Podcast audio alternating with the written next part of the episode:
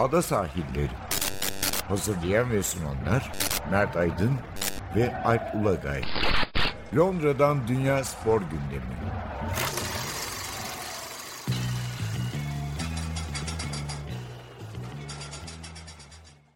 Ada sahillerinden merhabalar. Ben Alp Ulagay. Ben Mert Aydın. Bugün e, karma bir bölüm yapacağız.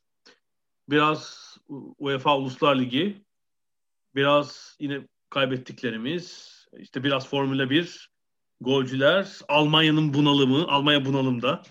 Halkayı takınca İspanya, Almanya krize girdi.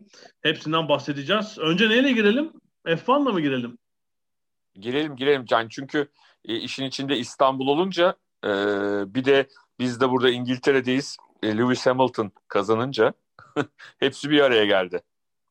Aslında üst üste şöyle iki haber geldi. Biz de herhalde konuşalı bir ay falan olmuştur biliyorsun. Bir GOAT, en büyükler bölümü yapmıştık. Kim en büyüktür diye. Hakikaten evet. onun üzerine Novak Djokovic erkekler teniste ATP'de 6. kez bir yılı bir numarada kapattı ve Pete Sampras'ın rekorunu egale etti. Üzerine de beklenildiği gibi zaten biz de konuşmuştuk.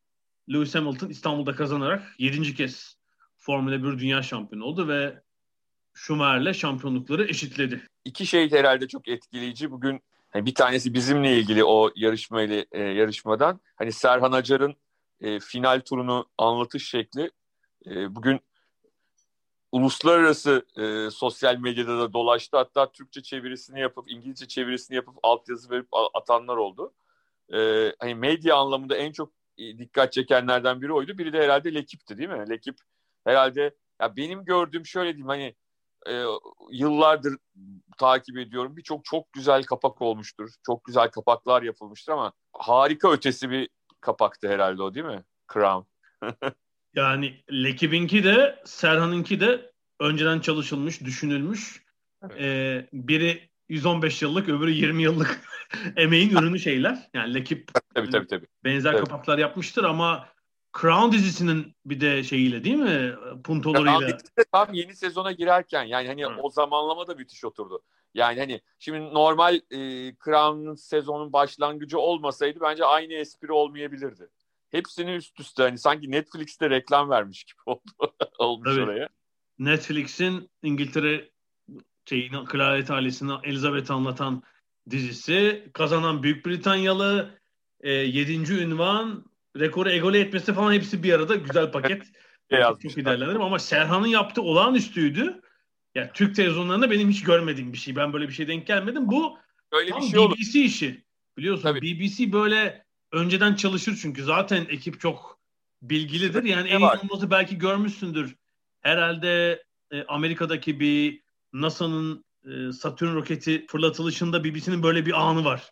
Yani Doğru. spiker anlatıyor işte şey açısından anlatıyor bilimsel açıdan. Ben onu anlamıyorum. İşte gaz sıkışacak da şöyle olacak.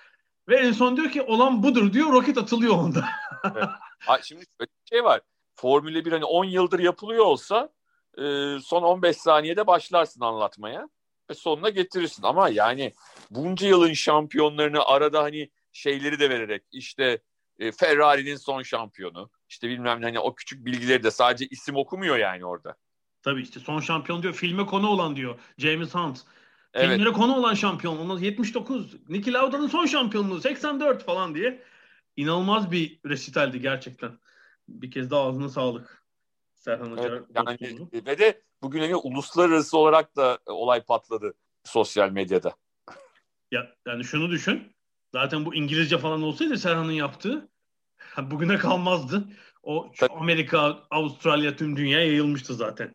Pazar günü. Türkçe olmanın olmasının e, talihsizliği diyecektim. İşte üç gün beklemiş yani en fazla. Oynadı söylediklerinin yüzde doksanını hani yabancı da anlayabilir. İsim söylüyor hani Hı, bir şekilde. Evet. Yani e, bir yabancı orada hani 1984'ü de en azından yıl olduğunu anlar bir yerden sonra o tip şeylerin ama e, hakikaten dediğin gibi etkiledi ve şey yaptı. Yayınlandığı mecra anlamında tabii sadece Türkiye'de dilinin de ötesinde sadece Türkiye'de dinleniyor, izleniyor. Ama e, hakikaten e, Lekip'le birlikte herhalde o da haftanın kazananları arasında Formula 1'i e, kazananları arasına e, girmiş oldu. E, herhalde ona da bir gazoz hediye etmişlerdir. evet. Şöyle bir şey var hani işte yarış o bir hafta sonluk tantanası oluyor. Ancak yani 2021 için bir anlaşma yok. Yeni ülkeler var. Tam evet. şeyin nasıl olacağını da bilmiyoruz yani. Çünkü Tabii. şimdiden ertelenmeye başlanan sportif etkinlikler var yani Avustralya'daki tenis falan. Evet. Takvimin nasıl işleyeceğini bilmiyoruz ama yani bir yıllık etkinlik yani Türkiye yedek olarak kullandıklarını biliyoruz biz. Yani evet. Formula 1'in işine geldi. Türkiye lap diye çıktı ortaya ve yedek olarak kullandılar. Ama yani bu işte seyirci yok bir şey yok. Yani seyirci olmadan zaten böyle bir şey ev sahipliği yapmanın anlamı yok. Tamamen böyle düşünüyorum. Hiç yapmam yani. Hiç anlamı yok. Seyirci falan getirmiyorsan. Yani mesela şeyde çok bence akıllı bir pazarlık yaptı UEFA ile Türkiye Futbol Federasyonu Şampiyonlar Ligi konusunda. Yani seyircisiz ne yapayım dedi ben Şampiyonlar Ligi finalini. Beni bir yıl ertele ki Türkiye'nin bence bastırmasıyla herkes bir yıl ileri atıldı herkesin takvimi.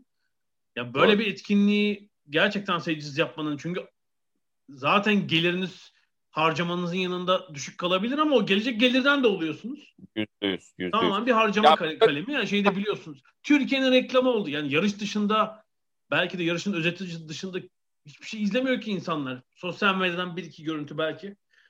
Ee, garip bir aldanmadır. Evet yani e, sonuçta ama hani konuşmuştuk geçen hafta zaten hatırlarsan. E, aşıyı bulan Türk doktorlar yani ekibin başında doktorlar üstüne e, bu hani İngiltere'de son dönemde nihayet Türkiye ile ilgili olumlu haberler gördük birinci sayfalarda. İçinde Türk kelimesi geçen ya da Türkiye geçen e, olumlu haberler gördük yani. O, o da mutluluk verici diyebiliriz.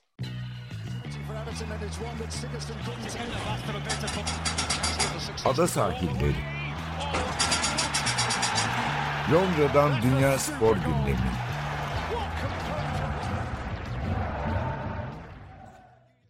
Bizim programı yaptığımız günden bahsediyorum, kaydettiğimiz günden.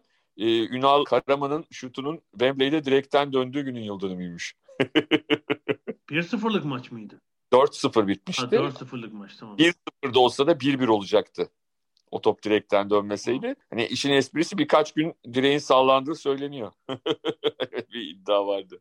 Evet. Yani ama e, o maçta ben hatırlıyorum Uğur Tüneker'in kaçırdığı, e, Hami'nin kalecinin son anda kornere attığı bir friki var. Yani hani 4-0'ı çok hak etmediğimiz bir maçtı o sonuç olarak. Bazı hakikaten dibine kadar hak ettiğimiz maçlar var da hani o maç 4-0'lık bir maç değil. Türkiye'nin çok net e, onun gibi fırsatları vardı yani karşılaşmada.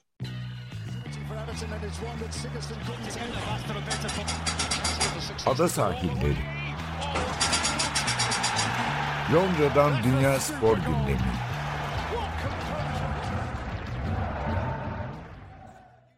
Biraz da Almanya'nın bunalımına bakalım. Herhalde 1920'lerdeki hiperenflasyondan sonra değil mi? Almanya'nın en büyük bunalımı. Yani e, şöyle söyleyeyim. Ben o kadar büyük bir bunalım olarak görmüyorum. Şu anlamda yani tabii 6-0 çok hazmedilecek bir şey değil ama ya sorun Alman futbolunda değil bence. Yani artık bence kiş, yani çok sevmeme rağmen hani her zaman oynatmaya çalıştığı futbolu, karakterini bence artık Joachim Löw ile Alman milli takımının ilişkisi bitmek üzere. Yani ben bunu hissediyorum. Hani 2014'te iş zirveye çıkmıştı. Ee, Dünya Kupası kazanılmıştı ama o Dünya Kupası'ndan sonra Alman milli takımı bayağı düşüşte yani. En son hatırlarsan Dünya Kupası'nda da ilk turda yani Kore'yi yenemediler yani. Güney Kore'yi yenildiler. Meksika ile Güney Kore. Bu 6-0 e, orada bence yavaş yavaş e, teknik personelin değişmeye başlayacağının bir göstergesi. E, çünkü diğer tarafta Alman kulüp futbolunda ki e, sen de biliyorsun hani Almanlarda da yabancı sınırlaması yok ama çok ciddi şekilde Alman futbolcu ağırlıklı Bayern Münih başta olmak üzere önemli takımlar var ve e, çok da başarılılar Avrupa kupalarında. Yani e, Alman futbolunda ben bir kriz olduğunu düşünmüyorum. Bunun sadece milli takımla ilgili olduğunu e, inanıyorum ve bir personel değişikliğiyle ha bu personel değişikliğini Euro 2021'den önce mi yaparlar? Finallerden sonra mı Löv'le iş biter? Onu bilmiyorum ama ben artık hani bu sonucun daha çok Joachim Löw'ün suyunun ısınması ol, o, olduğunu düşünüyorum. Ben ilk yarıya bakmamıştım açıkçası. Devre 3-0 olunca onu Hı-hı. görünce ikinci yarı açtım. Yani böyle bir 10 dakikalık bölüm var herhalde. Top Almanya'da gibi gözüküyor. Yani bir baskı kurmaya çalışıyorlar gibiydi ama ikinci yarıda da İspanya gerçekten sürklase etti. Zaten maçın her istatistiği yani hatta istatistiklere bakınca şey diye düşünebilirsiniz. Yani Almanya'yı çıkarın Almanya ismini. İspanya herhalde böyle işte Lüksemburg, Ermenistan falan onlarla oynamış gibi bir istatistik var yani. Hani e, topa sahip olma yüzdesi, şutlar falan ezici bir üstünlük. Yani bence Almanya'nın biraz gevşekliğinden dediğin gibi hani kulüp takımları iyi oyuncu yetiştiriyorlar. Bir genel sorun yok. Yani ben biraz espri yaptım tabii. Sonuçta bu da bir ne Dünya Evet. Kupası maçı ne Avrupa Şampiyonası maçı. Yani Uluslar Ligi'nin ikinci versiyonundayız. Yani yeni yeni oturuyor bu turnuva. 10 E, yıl geç- sonra olur mu onu bile bilmiyoruz. Belki 10 yıl sonra olmayacak yani. Almanlar için iyi geçmemişti hatırlarsan. Doğru doğru evet. Yani bir küçük e, şey diyelim, uyarı diyelim. Sadece hani Almanya için hiçbir zaman böyle bir skora görmediğimiz için işte yani şey gelir akla. Bizim de değil babalarımızın kuşağından 8-3'lük Macaristan milli maçı var. 54 Dünya E. Kupası grup maçı ama o biliyorsun e, her Yok. bergerin tur- kurduğu bir tuzak aslında Macarlar yani. Oyun, yedek oyuncular oynatıyor. Oyuncuların mevkileri değişik falan yani pek. Bir de arada bir iki tane daha varmış. Ben hiç onları hatırlamadım. Yani Brezilya, Romanya falan. Bir 5 birlik İngiltere maçı var. 2002 Dünya Kupası elemeleri olması Ee, lazım. 2001 yılı o zaman herhalde. Biraz Yani- akılda kalan o var. Çok böyle paramparça oldukları. O da şeyin hani Eriksson'un geriye çekilip kontrataklarla abi kontratakta da Michael Owen'ı kullanıyorlar yani hani sonuçta. Dediğim gibi ki o da Almanların bunalım dönemiydi zaten. Hani Alman futbolu için çok kötü bir dönemdi. Sonraki iyi giden şeylerin başlangıcı olan kötü dönem diyelim. Ya burada ben dediğim gibi e, Alman futbolunda böyle o çok fazla yine bir sorun olduğu ve bir şeylerin değişmesi gerektiğini işte temel temelde bir şey değiştirmeleri gerektiğini düşünmüyorum. Sadece bu e, e, belki 2-3 yıldır e, Joachim Löw'ün suyunun ısınmakta olduğunu düşünüyorum açıkçası. Bu arada 2006'dan beri milli takımın başında. Yani 14 yıl olmuş. Seneye Euro'da da herhalde Euro olursa orada da kalacak. Yani 14-15 sene zaten Almanya ölçülerinde bile uzun. Yani ondan Tabii. önceki şeylere baktığımızda bir Yani herhalde Berberleri Herberger, Hel- Helmut Schön herhalde 16 yıl falan Evet. onun öyle bir kaldığı Heber- süre var. Ama herhalde son 50 yılda en uzun bir takımın başında en uzun kalan. Hoca uzun bir süre yani normal bir yıpranma payı. Bu arada yiyen kadar atana da bakmak lazım. Yani şu andaki. İspanya takımı isim isim baktığımızda biraz o 2010 kuşağının gerisinde gibi gözüküyor. Hala oradan oyuncular var işte. Ramos hala oynuyor falan ama öyle bir kuşaktı ki işte Iniesta'sı, Xavi'si, Villa'sı, Ramos'u, Pique'si falan yani çok hem çok başarılı oldular hem kuşağın sonraki kuşağa görevi devretmesi zaman aldı. O yüzden 2014'te bir felaket bir Dünya Kupası geçirdiler falan. Hala işte oynuyor yani Ramos düşünün o, o kadrodan oyuncu. Ama bu yeni kadro yani ilginç oyuncular var. Yani Ferran Torres zaten Evet. gol attı. Bu İngiltere'de oynayanlar falan biraz hani geri planda olmaları, isimlerin bu kadar ön planda olmaması bizi yanıltmış olabilir. Şey ge- geçen gün güzel bir yazı yazmış. TFF'nin Tam Sağ dergisi vardır biliyorsun yıllardır. Orada Musin Ertuğral Almanya ve İspanya'daki futbolcu yetiştirme düzenlerinin üzerine güzel bir yazı yazmış. Web'te de var. İsteyenler bakabilir. Hı hı. Ee, Almanya işte hani bu pas sistemine geçmişler Evet. ama İspanya bunun da ötesinde altyapıdan itibaren rondo sistemiyle biliyorsun işte ortada sıçan Evet. dedi Türkiye'de. Onu her yaş kategorisine u- u- uygulayıp eğlenceli oyunlarla aynı zamanda yaratıcılık yani sadece pas değil topu ileri taşıma falan ha, bambaşka bir oyuncu yetiştirme sistemi. Bu tabii yıllardır uygulanıyor. Yani bu yeni oyuncu kuşağı da işte bunun devamı olarak gelenler de var. Yani yeni İspanya'nın da zaten İspanya bir hani bir 15 yıldır ekol artık Avrupa'nın büyüklerinden biri. Ee, bu takımın da çok can yakacağını söyleyebiliriz. Yani bu şey iyi bir gösteri Yani oldu Almanya aslında- maçı. Luis Enrique biraz çalkantılı bir e, biliyorsun kızının da e, hastalığı ve hı. vefatıyla işte bir ara bıraktı e, yerine yardımcısı devam etti gelecek mi geri dönsün mü dönmesin mi orada yar- yardımcısıyla tartıştı falan bir sürü olaylar oldu ama çaktırmadan ortaya bir iş koymaya başladı. Yani Avrupa Futbol Şampiyonası'nda yeniden favoriler arasında adını yazdıracak gibi geliyor bana. Yani dünkü maç etkileyici. Dediğim gibi ben bir ara izledim sonra özete baktım. Dördüncü ve beşinci goller gerçekten olağanüstü. Oradaki Evet. Almanlar şey oldu ya sürklase oldular hiç. Bir kıpırdayama kıpırdadılar da yani onlar kıpırdayana kadar İspanya iki golü atıverdi gerçekten şeydi özeldi İspanya. Barcelona'nın intikamı oldu.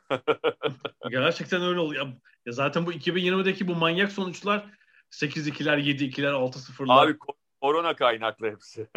Onu da değiştirmiş korona. Herkesin dengesini bozdu ya. Yani seyircisizlik de ayrı.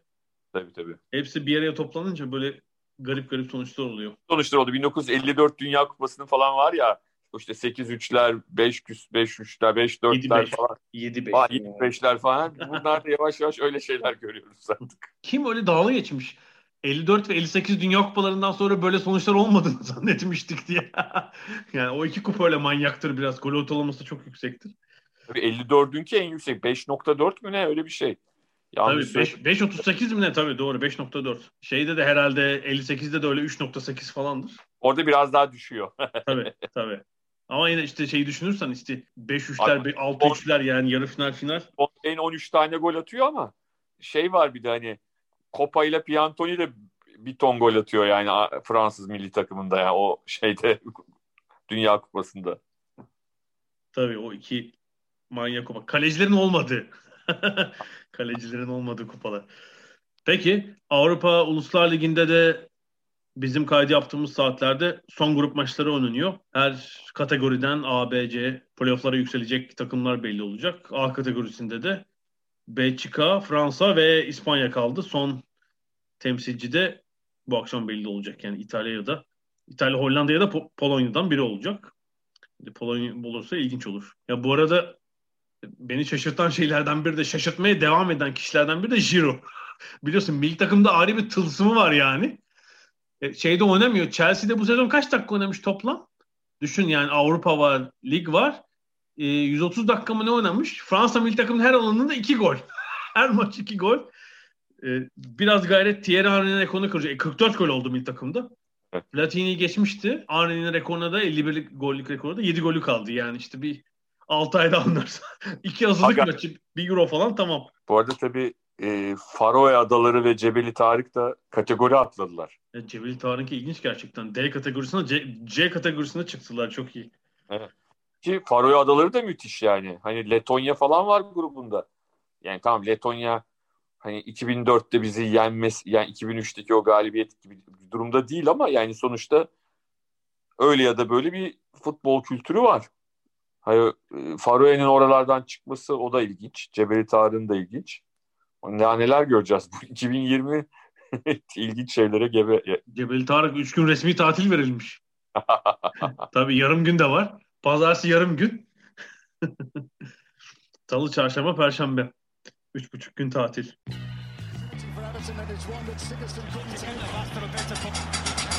Ada sahilleri. Londra'dan Dünya Spor Gündemi.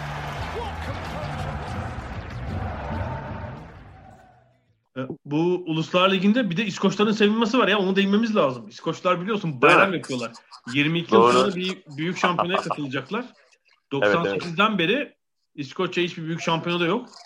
Yani küçük ama bir ülke ama on, onlar için şaşırtıcı bir boşluk. Çünkü özellikle 72 bin arasında İskoçya 1970 ile 2000 arasındaki bütün büyük turnuvaları vardı neredeyse. 1974, 78, 82, 86, 90, 98 arada iki tane Euro falan oynadılar. Hepsinde var küçücük ülke. Ha şöyle bir şey hiçbirinde turu geçemezler ilk turu. Tabii. Baştan bir şey gelir mutlaka. Evet onunla ilgili de bir kitap var. Bu pandemi döneminin başında ta Mart ayında okuma şansına sahip olmuştum. İşte İskoç spiker Archie McPherson'ın yazdığı bu 70'li ve 70'lerde e, işte 80'lerde e, 90'larda milli takımın peşinden İskoç milli takımının peşinden gittiği anlattığı turnuvaları yazmış ve İskoçların her turnuvada ayrı ayrı nedenlerle nasıl ilk turda elendiklerini detaylı bir şekilde anlattığı bir kitap. Çok da eğlenceli hikayeler var içinde. Orada onları izliyoruz. Bir de meşhur biliyorsun Archie Gamble'ın e, attığı gol vardır. Trainspotting filminde de. Filmlere konu olan. Konu olan ama e, sonucunda İskoçya'nın Hollanda'yı yenmesi ancak yine de turu geçememesiyle sonuçlanan bir maç. 78 Dünya Kupası'nda gerekli farkı atamayan, e, atamamasıyla İskoçya'nın e, gerçekleşen. E, mesela orada da gidip mesela Peru'ya yenilmeleri, İran'la beraber kalıyorlar galiba. Yani bir hep bir yerde bir anlamsız şey yapıyorlar, maçlar çıkarıyorlar. Mesela 98'in açılış maçında Brezilya'ya yenilmişlerdi ama hani mesela aynı bizim yenilmemiz gibi Türkiye'nin 2002'deki yani çok iyi oynayarak, çok zorlayarak e, yenilmişler ama ondan sonra işte e, çok umutlanıyor ama yine çıkamıyorlar oradan. E, şeyi hatırla Euro 92'de büyük sürpriz yapmışlardı. BD, BDT'yi dağıtmışlardı son maçta. Evet yani mesela o yüzden Almanya o sayede finale kadar gitmişti. Yani normalde BDT'ye Birleşik Devletler Topluluğu, Birleşmiş Devletler Topluluğu yani o maçı kazanmasalar Ruslar diyeyim hani daha kısaca BDT demektense Ruslarla Hollandalılar gruptan çıkacak. Almanya gruptan çıkamıyor. Çünkü o saatlerde Almanya'da Hollanda'ya yeniliyordu 3-1. İskoçlar Almanlara büyük bir kıyak yapmış olmuşlardı ama hani Almanlar finalde Danimarka'ya kaybetti. E, Euro 96'da meşhur dişçi koltuğu golüne engel olamamışlardı. E, McAllister bir penaltı kaçırmıştı İngiltere maçında. E, hep ama bir neden bir şeyler oldu yani. Hep o, o tür küçük olaylar gruplarda gruplardan çıkmalarına engel olmuştu. Bakalım bu sefer ne olacak ben de merak ediyorum. Bence 1974'te başlamış o biliyorsun. Yugoslavya, Brezilya ve Zaire ile bir grupları var. Kim evet, daha fazla gol atarsa o averajda çıkacak. Çünkü birbirleriyle berabere kalıyor. Üç ülke evet. berabere kalıyor. Ama İskoçlar sadece iki gol atabildikleri için Doğru. E, averajlı yeter. Yani averajla üçüncü aynı üç takım aynı puanda. Averajla üçüncü bence orada başlamış hikaye. yani sonra 78'de de işte aynı puanla Hollanda'ya elenmeleri falan. Son maçtaki aksilikler derken bir türlü gruptan çıkamayan bir İskoçya var. E, yine The Times'ın podcastinde onların eski futbolcu da olan, eski bir futbolcu olan muhabirleri Gregory Robertson, İskoç kendisi. Alt liglerde oynamış bir futbolcu. Ama 3 yıl Nottingham Üniversitesi'nde gazetecilik eğitimi görmüş sonra ve işte muhabirlik yapıyor 36 yaşında. Ona zaten kendi bölümü de müzikle açtı o. Arkada bir müzik çalıyor. Ben onu tanıyamadım parçayı. Herhalde İskoç Ünlük takımla alakalı. Ona sordular ki yani senin futbol hafızanda, oyunculuğun da var. Bu maç nerede? En en önemli, en mutlu olduğum gün dedi futbolla ilgili hayatımda. Ve çok heyecanlanmış penaltılarda falan. Evet. Ama herhalde maç günü de galiba bir podcast yapmışlardı. Hani büyük bir heyecanla şu an heyecandan şey yapamıyorum, kendimi tutamıyorum falan diyordu. Acayip sevinmişler. İskoç seyirciler yani bir kuşak biraz kaçırdı ama evet. eğer bir euro olursa tabii e, herhalde orada bol miktarda yerlenilecekler. Çünkü bir de onların grup maçları İngiltere'de oynanacak ve İngiltere'de var grupta. Tabii ama şunu da söylememiz lazım. Şu şu da ihtimaller e, doğrultusunda o da konuşuluyor e, eğer yapılabilirse tek ülkeye bunu indirmek de istiyorlar. Yani e, bu sefer hani eğer hala korona konusunda gelişme sağlanamamış ve takımları ülke ülke dolaştırırlarsa e, yine büyük felaketlerle karşı karşıya kalabiliriz. Tek ülkeye indirme konuşmaları da var. Bilmiyorum ne olacak yani böyle. E bu ülke ülke dolaştırmak şu anda olan şey zaten biliyorsun. Güney evet, Amerika, var. Afrika, Avrupa, Asya her her yerde milli maç var. İşte Salah'ından Norveçli oyunculara kadar galiba virüsü kapmayan kalmadı. Bilmiyorum bu milli maç haftası tamamen bittikten sonra oyuncular dönecek. Testlerde başka sürprizler de görecek miyiz? Yani şaşırmayacağım. Bir sürü oyuncu daha çıkarsa. Hatta bir hükmen yenilgi de oldu galiba değil mi? Romanya Norveç maçında. Romanya maçında. Evet. UEFA öyle bir karar aldı. Bakalım bu karar. Hastalanmayın kardeşim maske takın diyorum. e yani evet Salonki herhalde uç nokta artık. Düğüne gidip 500 kişiyle dans etmek su. Yani zaten yakalanmasa bir sürpriz olurdu orada herhalde. Djokovic e, hani o neydi, neredeydi Hırvat neredeydi turnuva? Sırbistan'da mıydı? Yani Djokovic gece kulübü falan filan tenis evet. turnuvası. Galiba bir Belgrad'da yaptılar, bir Zagreb'te mi yaptılar? iki ayaklı galiba. Evet, ha işte. Onun bir benzeri olmuş. Evet. Gerçekten. Ya Liverpool'un da bu sağlık açısından bu sene başına gelmeyen kalmadı. Ya Klopp şey diyecek tam da Salah'ı stoper oynatacaktım demiş mesela o yüzden olmuş.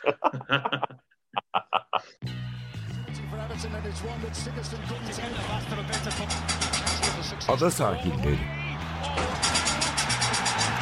Londra'dan Dünya Spor Gündemi.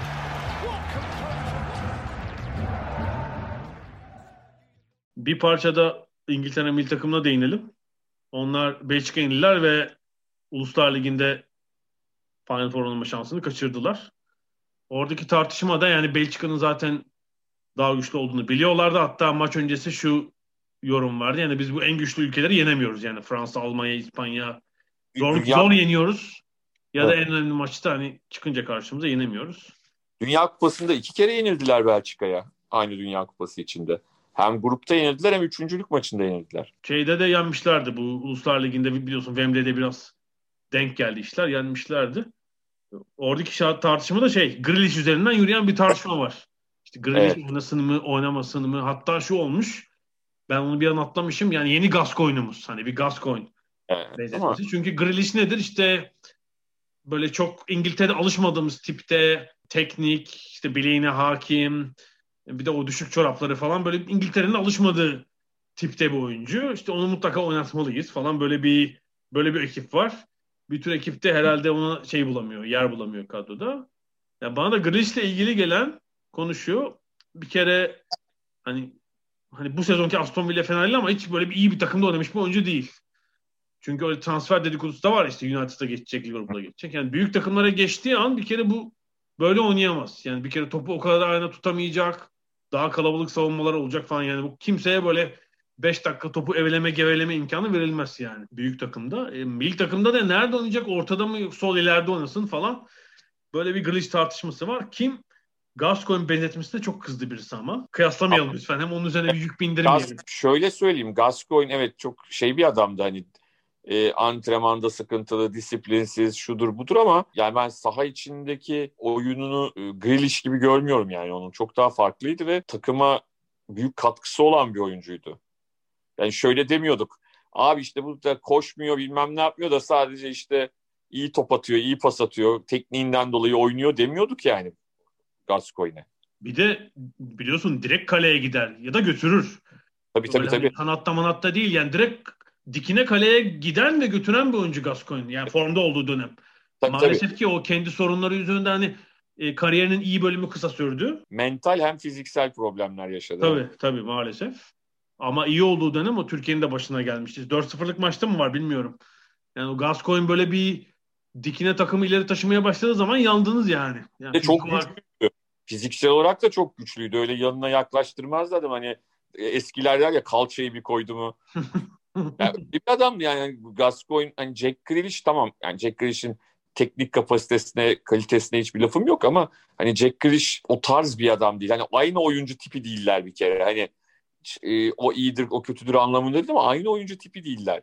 Gascoigne çok daha e, farklı bir oyuncuydu. O yüzden de yani hani ikisini bir tutmak biraz Grealish'e de haksızlık olabilir yani. İngiltere'deki sorun da biliyorsun bir sağ bek bolluğu bir de santrfor bolluğu var. Ama bazı mevkilerde sol bek falan oralarda sorun var. Yani 10 sağ bek 8 santifor falan var yani hani kadroyu almak istesin. bir kısmını stoper yapacaktı artık bir kısmını falan. Öyle olabilir yani. Falan o... öyle kullanıyor ya Walker her yerde oynuyor defansta. sağ beklerden biri sağ beklerden birini sağ stoper işte birini sağ bek öbürünü de önde falan birkaç yerde oynatmak durumunda. Ama şeyde de hani gol kralına bakınca da mesela işte ilk onda 7 İngiliz mi ne var? Bu tabii, yeni tabii. gelen oyuncularla beraber işte Vardy, Calvert-Lewin, Bamford, Kane, Watkins, Callum Wilson, Dan Ings falan. Bir sürü İngiliz var yani. Hani şey de değil. Hani 70'ler 80'lerde bakardın İngiliz zannedersen İskoç çıkar falan. Öyle de değil yani hepsi İngiliz. Bilmiyorum İngiltere hani Euro'da Final Four'da ev sahibi. Oraya kadar getirirse iş şey olabilir. E, birinci tur grubu da hani 3 tane dengeli takım var. Ama hani şampiyonluk hülyaları kuruyorlar bilemiyorum. Yani daha iyi takımlar var mutlaka. 4 ya tabii o turnuvaların en önemli özelliği Alp sen de biliyorsun. O 20 günü iyi geçirmek. Yani bir ayı ya da 20 günü. Tabii ki iyi hazırlık yapmanız gerekiyor ama e, bazen hani eskiden o turnuva takımı diye bir espri yapılırdı ya. Onun asıl ama o, olayı şu yani. Hani o 20 günlük bir aylık süreci en doğru şekilde oynamak ve en doğru noktada zirveye çıkmak form anlamında. E, o önemli. O denk gelirse belli bir noktaya gidebilirsiniz. Ama şampiyon olmak kolay değil. Yani ben yine hala Fransa'yı, İspanya'yı, e, hatta Almanya'yı İngiltere'nin çok önünde görüyorum. Avrupa Şampiyonası'ndan şampiyonluk adayı diye bir yerlere bir şey yazacaksak, tahminde bulunacaksak. Hatta Belçika yani mesela. Hatta Belçika pardon. Onun Belçika'ydı. Yani bunlar e, İngiltere'nin şu anda çok önündeler. Ha, orada başka şekillerde öyle ya da böyle oyunu değiştirerek belki kemik ve e, doğru bir 11 üreterek ve istikrarlı bir 11 üreterek bir şekilde bunları aşabilir mi? Aşabilir. Diğerleri birbirlerini yenerler. O gelir bu gelir. Olabilirsiniz ama kolay değil yani onu anlatmaya çalışıyorum. Yani şu anda İngiltere'nin çoktan önünde olan e, takım kimyası açısından da kadro genişliği açısından da önünde olan en az 4-5 ülke var yani şu an. Ki yani İtalya'yı falan saymadım hani e, bir de hani onlar da hani İtalya, Hollanda gibi şeyler var. Turnuvalarda başarılı bir şekilde olmayı başaran ne durumda olurlarsa olsunlar. O yüzden kolay olmaz yani İngilizlerin işi orada. Tabii o bir de bir alt grup var. Ben de saymadım. Yani Hollanda, İtalya, Portekiz'den bir tık altta ama her turnuvaya katılan işte Hollanda bir aksilik yaşadı gerçi. Yani her zaman iddialı olan 3-4 ülke daha var. Gerçekten kolay. Zaten işte 66'dan beri olmamış. o yüzden şaşırtıcı değil.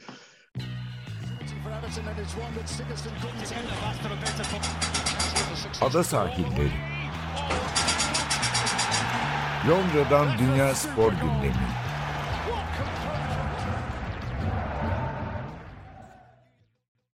...2020 birçok şeyi daha çok kötü olarak e, gösterdi. Yani birçok önemli insanda sporla ilgili hayatını kaybediyor. Biz de her programda onlardan bahsediyoruz.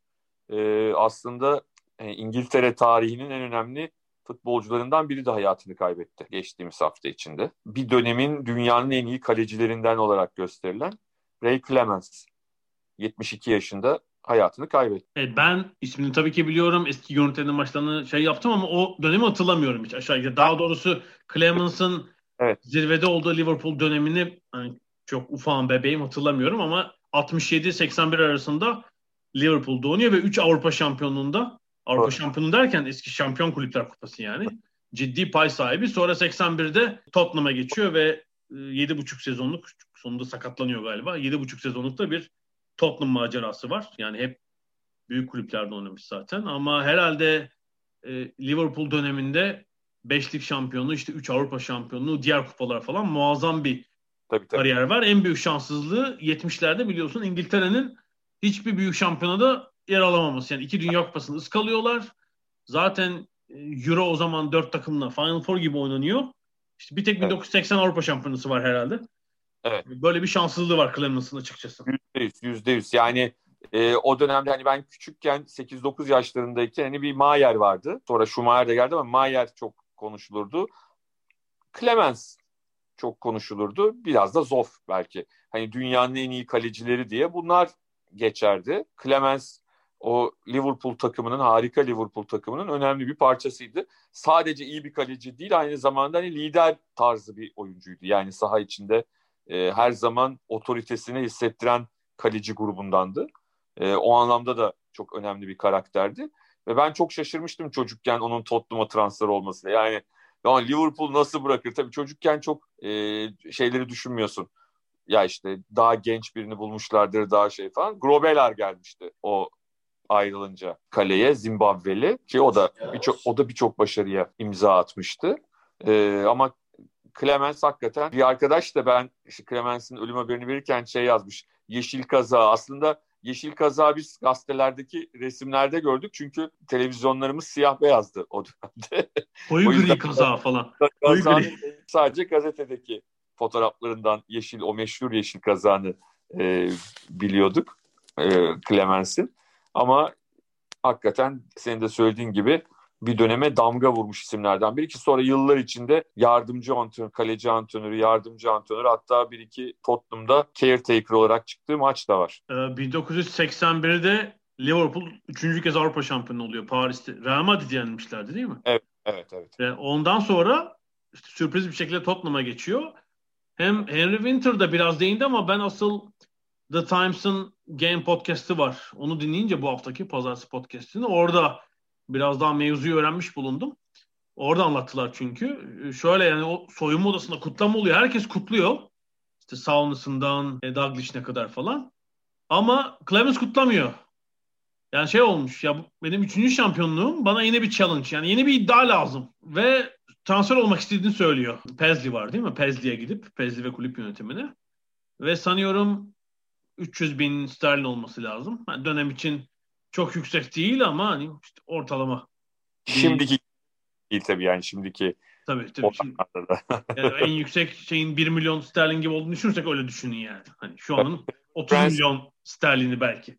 Tabii Trevor Francis'in 78'de e, Nottingham Forest'ta 1 milyonluk ilk transfer yani gidişi. Evet ve transfer isteğinde bulunuyor. İzni veriyorlar. Tabii bedeliyle Tottenham'a geçiyor. Sonra e, herhalde ertesi yılın yani şeydeki maçı Liverpool deplasmanı Tottenham'ın 82 yılının başında bahar aylarında geçenlerde de onun görüntüsü vardı. Yine ölünce de çıktı. Bütün e, Anfield Road ayakta alkışlıyor Clemens'ı, eski emektarlarını ve ikinci yarı başında yani maçın ikinci yarısının başında Kop tarafına geçiyor. Kop her zamanki tezahüratı yaparken o da böyle el kollarını karşılığı kaldırarak karşılık veriyor. Çok gerçekten hı hı. duygusal bir an. Yani iki tarafında karşılıklı muazzam saygısı var. Zaten sonra da Liverpool'lu olduğunu e, pek saklamamış sonraki yıllarda. Bir tek bana inanılmaz gelen onu kim yazdı? 73 ile 76 arasında 3,5 yıl önce hiç maç kaçırmamış. 360 ha. maç mı ne? Aralıksız oynamış. Şunu da bilmek lazım. O zamanki İngiltere Ligi'nde 3 tane değil mi? 2 ya 3 tane yedekle çıkıyorlar maç. 2 var ama bir değişiklik mi yapılıyor? Ve de, ve de kaleci genelde hani o değişikliği kaleciden kullanmak istemedikleri için kalecisiz, yedek kalecisiz çıkılan maçlar da var. Fazlasıyla takımların. Yani şeyle... O yüzden kaleciler biraz daha o yüzden şeyler yani mecburen oynuyorlar. Sakatlanmamak tabii önemli orada. Bugüne kıyasla düşündüğünde ne kadar komik değil mi? Yani 5 oyuncu değişikliği yok diye şikayet eden kulüpler falan. O zaman zaten değişiklik hakkı işte bir mi ne? Yedeğe de işte iki oyuncu çıkarabiliyorsun. Kaleci de yok mesela. Kaleci sakat gerçekten oynayamayacak kadar sakatlanırsa diğer oyunculardan biri geçmek zorunda kaleye. Böyle bir durum. İşte o dönemde de zaten az oyuncuyla oynanan oyunda işte 14-15 kişiyle belki biten sezonlarda hiç uzun bir süre maç kaçırmamış. Gerçekten inanılmaz. Bir de Peter Shilton'la rekabeti var tabii. Yani aynı dönemin kalecileri. Shilton da 70'lerin sonunda çok iyi olması lazım. Onun da iki, iki Avrupa şampiyonu da onun var yani. Aralığında paylaşmışlar gibi. Tabii. Ben tabii Shilton'ın daha sonra pek başarılı olamadığı dönemi hatırlıyorum. Yani hani 86 tamam da artık 90'da felaket bir halde. Hala İngiltere milli takımı kalecisiydi. Evet o biraz aşırı derecede ona olan saygıdan biraz kaynaklanan bir şeyler herhalde. Çünkü hani yedeklerini hatırlıyorum. Yedekleri işte Woods olsun, Bezant olsun bunlar çok iyi kalecilerdi. Sonra Seaman. Yani bu, bunlar öyle hani hiç kalecileri olmaz. Çok e, sıradan kaleciler vardır ve o yüzden hani mecburen babayı oynatalım dersin. Öyle de bir durum yoktu. Mesela Zoff gibi de değildi. Zoff da 40 yaşında oynuyordu ama sanki Shilton biraz 40 yaşında artık e, içi geçmiş haldeydi. Yani e, o Almanlara kaybedilen penaltıları hatırlıyorum. Aslında tüm penaltılarda doğru köşeye atlamıştı. Ama 90. ağırdı artık. Çok ağırdı yani. Ağırdı. Yani o gidene kadar top çoktan içeri girmiş oluyordu yani. Hani o yüzden de biraz sıkıntılıydı. Ama e, dediğim gibi Clemens'le olan o rekabeti çok çok önemli bir rekabet. 70'lerin sonunda 80'lerin başında. İşte belki Dünya Kupaları olsa ne olurdu onu da bilmiyorum. Hani onu mu oynatırdı, onu mu oynatırdı e, İngiltere milli takım hocaları ama bence dünya futbolunda çünkü hep konuşuyoruz. 70'li yıllarda evet kulüp takımları çok önemli, Şampiyon Kulüpler Kupası çok önemli ama e, Dünya Kupası aslında dünyadaki futbolun en çok herkesin, bütün dünyanın izlediği. Yani o zaman bugünkü gibi işte İngiltere Ligi, Almanya Ligi, İspanya Ligi, İtalya Ligi her yerde yayınlanmıyor. Ee, ama Dünya Kupası en küçük ülkede bile yayınlanıyor. O yüzden de o Dünya Kupası'nda oynayamamış olması bence hakikaten şanssızlık. Tabii yani bu ülkeler de birbirine yani bir tek Türkiye için değil yani. İngiltere'de de İtalya Ligi ve Almanya Ligi'nin belki özeti, özeti biliyor ki yani canlı maç yayını zaten yoktur da Yok, Avrupa tabii. Kupası dışında Doğru. başka ülke takımını izlemek pek mümkün değil o dönemde. Doğru. O yüzden de şeylerin çok önemi var. Dünya Kupası ya da işte Avrupa Futbol Şampiyonası ki 70'lerde demin sen de söyledin 80'e kadar e, Avrupa Futbol Şampiyonası finalleri hani bir süre elemelerden son dörde kalan takımların katıldığı birkaç gün süren bir turnuva. Ya ben benim ilk seyrettiğimde 8'e çıkmıştı işte Euro 80 ilk hatırladığım turnuva. Hani doğru dürüst bir turnuva izlemiştik 8 takımlı. Yani şimdi bile 8 takım komik geliyor ama o zaman en azından bir kendi içinde mantığı vardı. Ama e, ondan öncekiler hakikaten katılamayanlar içe katılamayanlara da yazık oldu. Bir tanesinde sanırım İngilizlerin 72 mi? Çeyrek final yani hani o finallerden hemen önce eğleniyorlar. Almanya'ya galiba işte değil mi o çeyrek finalde sanki eğleniyorlar. Evet. Yani. Ama şöyle söyleyelim İngiltere İngiliz olmanın da avantajı İngilizler biliyorsun dünya medyasını e, her zaman iyi kontrol ederler. Kendilerinde çok güçlü bir medyası vardır. Clemens buna rağmen o Dünya Kupası handikapına rağmen diyeyim hani dünyanın her yerinde bilinen ve o dönemde çok popüler olmuş bir oyuncuydu. Ya şu olabilir mi? Hani 40 yıldır da İngiltere milli takımı olarak pek başarılı değil. Hiçbir finalleri yok. Kaç? 3 yarı finalleri var galiba değil mi? Yanılmıyorsam. 90 Euro 96, 2018 Dünya Kupası. Evet. Ya halbuki bu süre içinde mesela Fransa ve İspanya kendi Tabii. modellerini geliştirip ekol oldular. Yani büyük ülke Tabii. oldular bu süre zarfında. İşte Almanya yerini koruyor. İtalya biraz şey oldu. Ee, ama Hollanda hala iyi yani. Son iki şampiyonada biraz problem oldu ama Hollanda'nın hala ciddi bir ağırlığı olduğunu söyleyebiliriz. İngiltere yani pek başarılı değil. Bu Clemens Shilton ikilisinin iyi döneminden sonra bence kalede de problem yaşamışlar ya. Çok üst düzey bir İngiliz kaleci hatırlamıyorum yani. İyi kaleci tamam, Seaman falan ama yani saçma sapan yediği golleri hatırlıyorum genelde İngiliz kalecilerin yani. Yani bir Seaman, dönem David James vardı yani kalede. David James artık David James yani olacak iş değil ama. ama laf ediyoruz ediyoruz ediyoruz. Nihat'ın o kafasını çıkarması ilk golü e, biz atacağız ve belki de hiç Letonya faciası olmadan Euro 2004'e gidecektik. David James Premier Lig'de o kadar maçı nasıl oynadı? Asıl inanılmayacak konu o.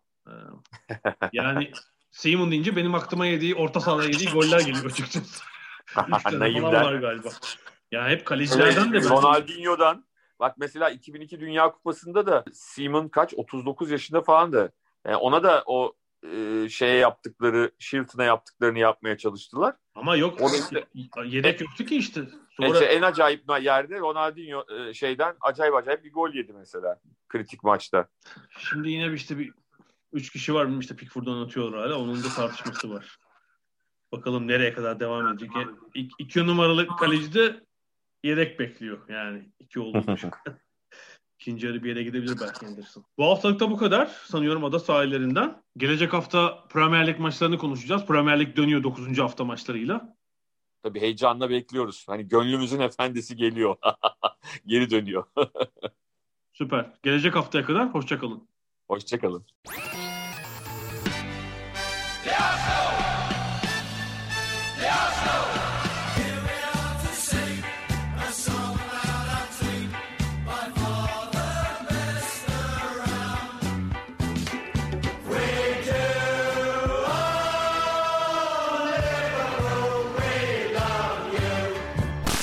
Ada sahilleri. Hazırlayan ve sunanlar Mert Aydın ve Alp Ulagay. Londra'dan Dünya Spor Gündemi.